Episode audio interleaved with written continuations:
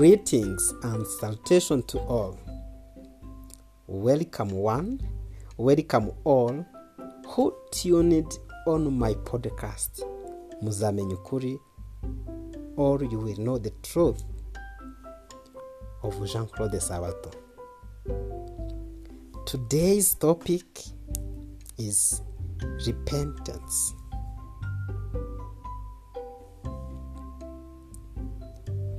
How shall a man be just with God? How shall the sinner be made righteous? It is only through Christ that we can be brought into, he, into harmony with God, with the holiness. But how are we to come to Christ? Many are asking the same question as did the multitude on the day of Pentecost when convicted of sin, they cried out, saying, What shall we do? Then the first word of Peter's answer was, Repent. Acts chapter 2, verse 37 and 38. At another time, shortly after, he said, Repent and be converted that your sins may be blotted out. Acts chapter 3, verse 19. Repentance includes sorrow for sin and a turning away from it. We shall not renounce sin unless we see its sinfulness until we turn away from it in heart that will be no real change in the life. There are many who fail to understand the true nature of repentance. Multitude sorrow that they have sinned and even making outward reformation because they fear that their wrongdoing will bring suffering upon themselves. But this is not repentance in the Bible sense. Some they lament the sufferings rather than the sin. Such was the grief of Esau when he saw that the, the birthright was lost to him forever. Like Esau, even Balaam, terrified by the angel standing in his pathway with drawn sword, acknowledged his guilt lest he should lose his life. But there was no genuine repentance for sin, no conversion of purpose, no ab- abhorrence of evil. Also, Judas Iscariot did the, did the same. After betraying his Lord, exclaimed, I have sinned in that I've betrayed the innocent blood. Matthew chapter 27, verse 4. The confession was forced from his guilty, guilty soul by an awful sense of condemnation and a fearful looking for of judgment. The consequences that were to result to him filled him with terror, but there was no deep, heart-breaking grief, grief in his soul that he had betrayed the spotless Son of God and denied the Holy One of Israel.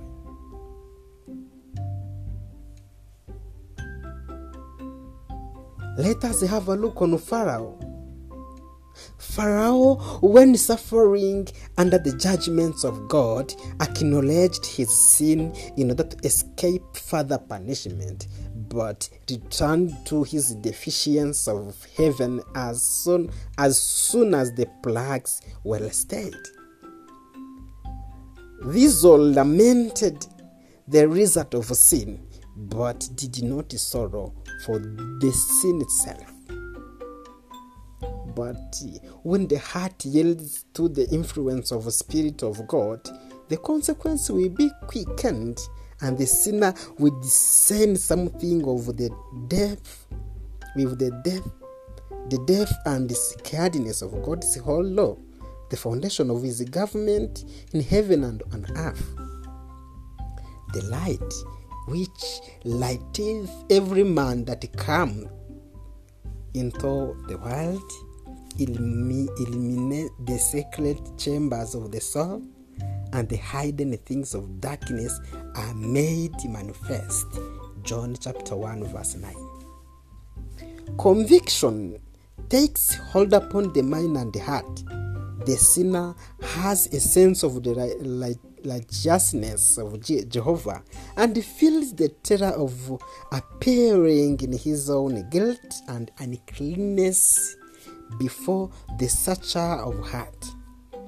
He see the love of God, the beauty of holiness, the joy of purity. He longs to be cleansed and to be restored to communion with heaven. The prayer of David after his fall illustrates the nature of true sorrowful sin. His repentance was sincere and deep. There was no effort to palliate his guilt, no desire to escape the judgment threatened inspired his prayer.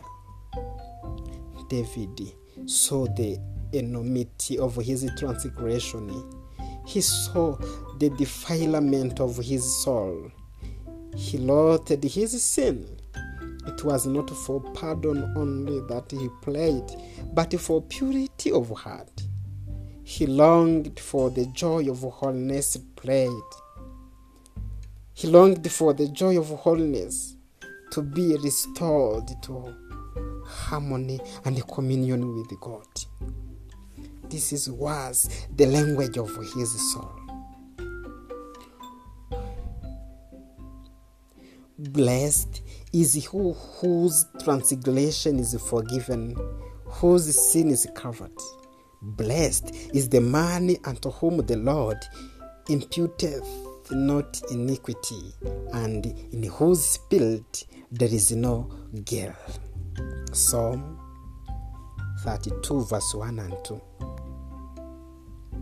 He continued saying, Have mercy upon me, O God, according to thy loving kindness, according unto the multitude of thy tender mercies, blot out my transgressions.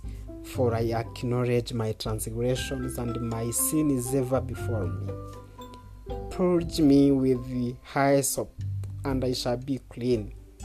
Wash me, and I shall be whiter than snow. Create in me a clean of a clean heart, O God, and renew a right spirit within me. Cast me not away from thy presence, and take not take not thy Holy Spirit from me. Restore unto me the joy of thy salvation, and uphold me with thy free spirit. Deliver me from bloody guiltiness, O God, thou God of my salvation, and my tongue shall sing aloud of thy righteousness. Psalm 51, verse 1 up to 14. A repentance such as this is beyond the reach of our own power to accomplish. It is obtained only from Christ, who ascended upon high and has given a gift unto man, unto men. Just here is a point on which many may err, and hence they fail of receiving the help that Christ desires to give them. They think that they cannot come to Christ unless they first repent, and that repentance prepare for the forgiveness of their sins. It is true that the repentance does precede the forgiveness of sins, for it is only the broken and contrite heart that will feel the need of a savior.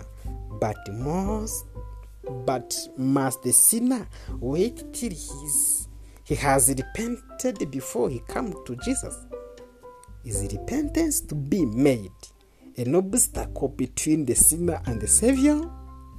The Bible does not teach that the sinner must repent before he can heed the invitation of Christ. It is written in Matthew 11, verse 28 Come unto me, O you that labor and are heavy laden, I will give you rest. It is the virtue that goes forth from Christ that leads to genuine repentance. Peter made the matter clear in his statement to the Israelites when he said, Him hath God exalted with his right hand to be a prince and savior, for to give repentance to Israel and forgiveness of sin. Acts 5 31. We can no more repent without the Spirit of Christ, of course, to awaken the conscience than we can be pardoned without Christ. Christ is the source of every right impulse. He is the only one that can implant in the heart enmity against sin. Every desire for truth and purity, every conviction of our own sinfulness is an evidence that His Spirit is moving upon our hearts. Amen. Jesus has said, if I be lifted up from the earth, we draw all men unto me. John 12 32. Christ must be revealed to the sinner as the Savior dying for the sins of the world. And as we behold the Lamb of God upon the cross of Calvary, the mystery of redemption begins to unfold to our minds, and the goodness of God leads us to repentance. In dying for sinners, Christ manifested love that is comprehensible and as the sinner beholds this love, it softens the hearts, impresses the mind, and inspires contrition in the soul.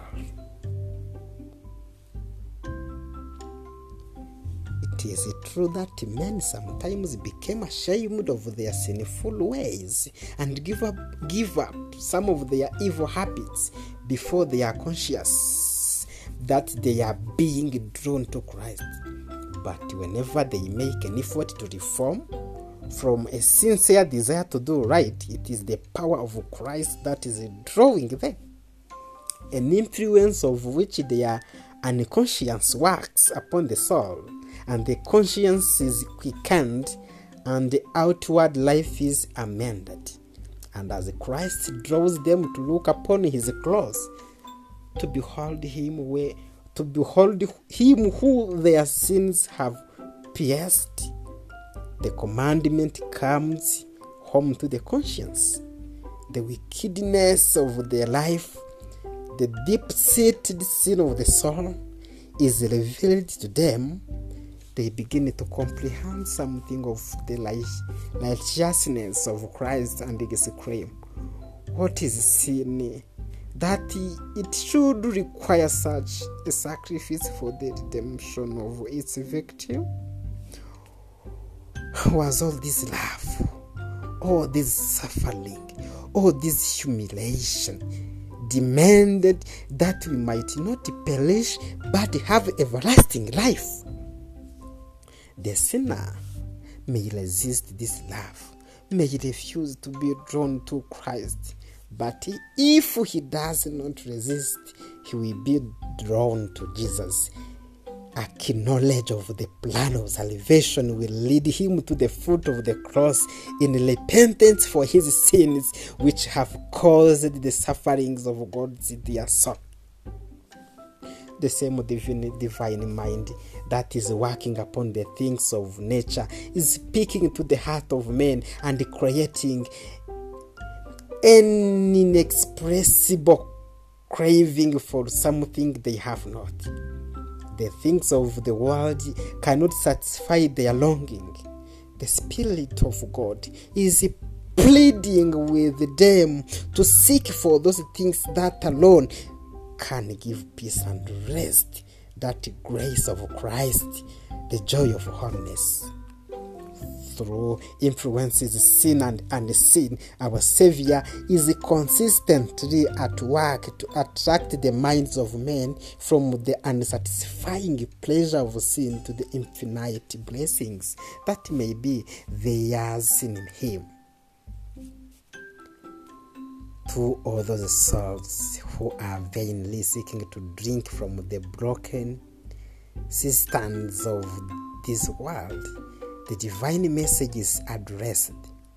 Let him that is atheist come, and whosoever will, let him take the water of life freely. Revelation 22 17. You who in heart long for something better than this world can give, recognize this longing as the voice of God to you to your soul. Ask Him to give you repentance, to reveal Christ to you in His infinite love, in His perfect purity, in the Savior's life, the principle of God's law, love to God and man, were perfectly exemplified. Benevolence and selfish love was the life of His soul. It is as we behold him, as the light from our Savior falls upon us, that we see the sinfulness of the sinfulness of our own hearts.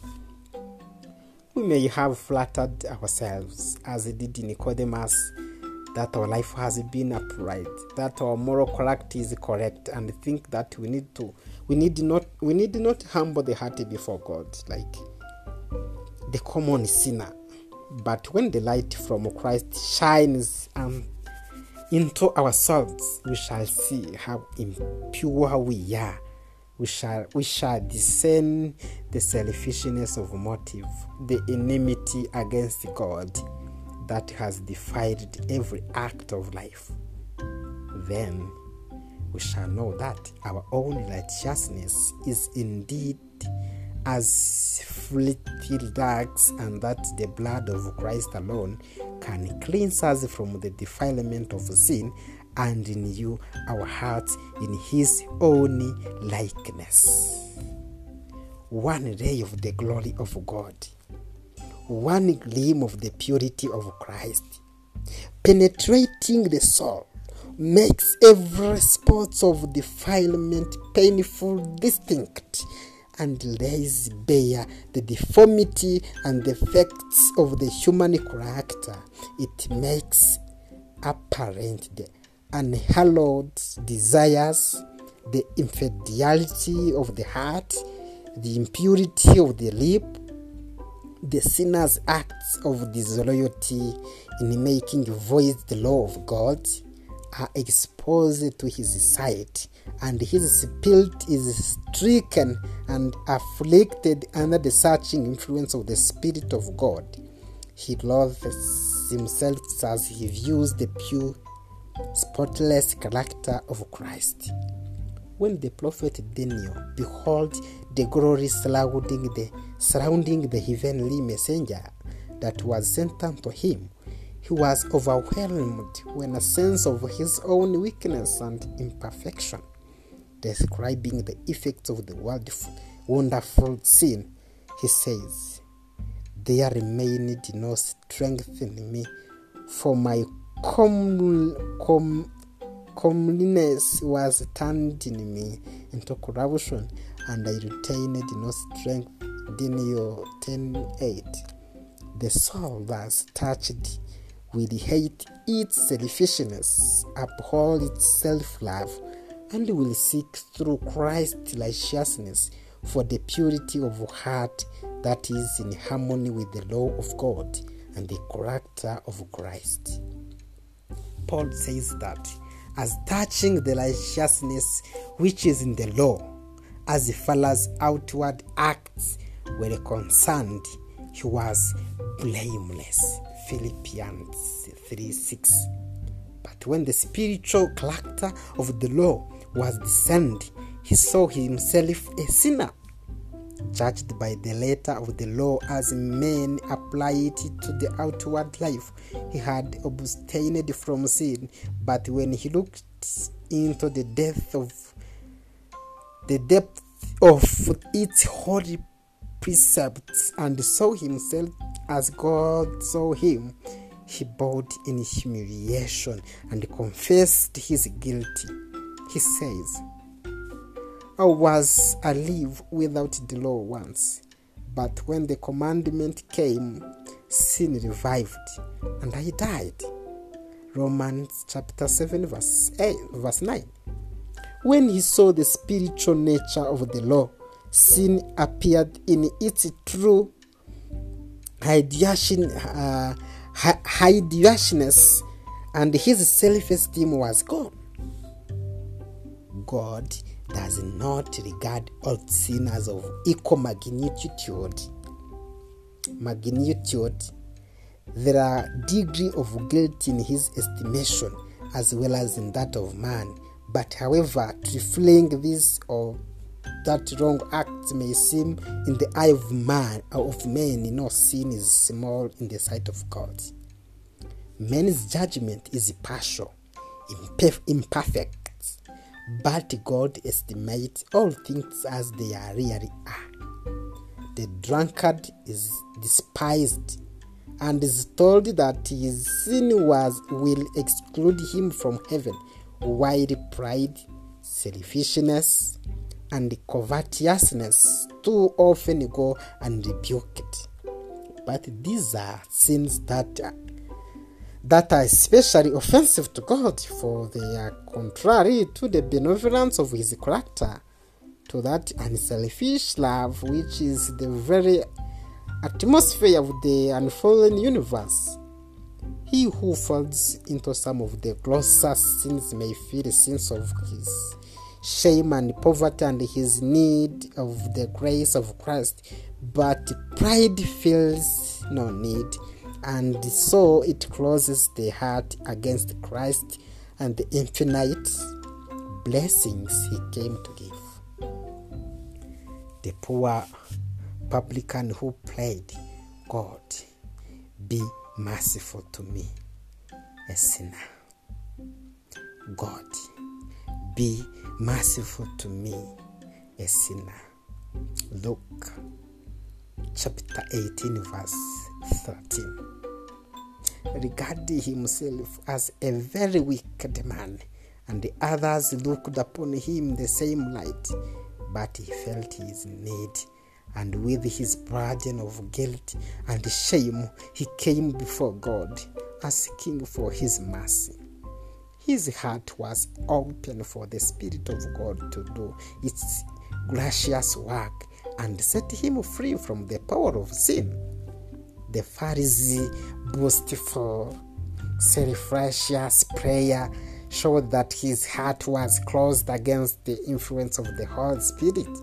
Because of his distance from God, he had no sense of his own defilement.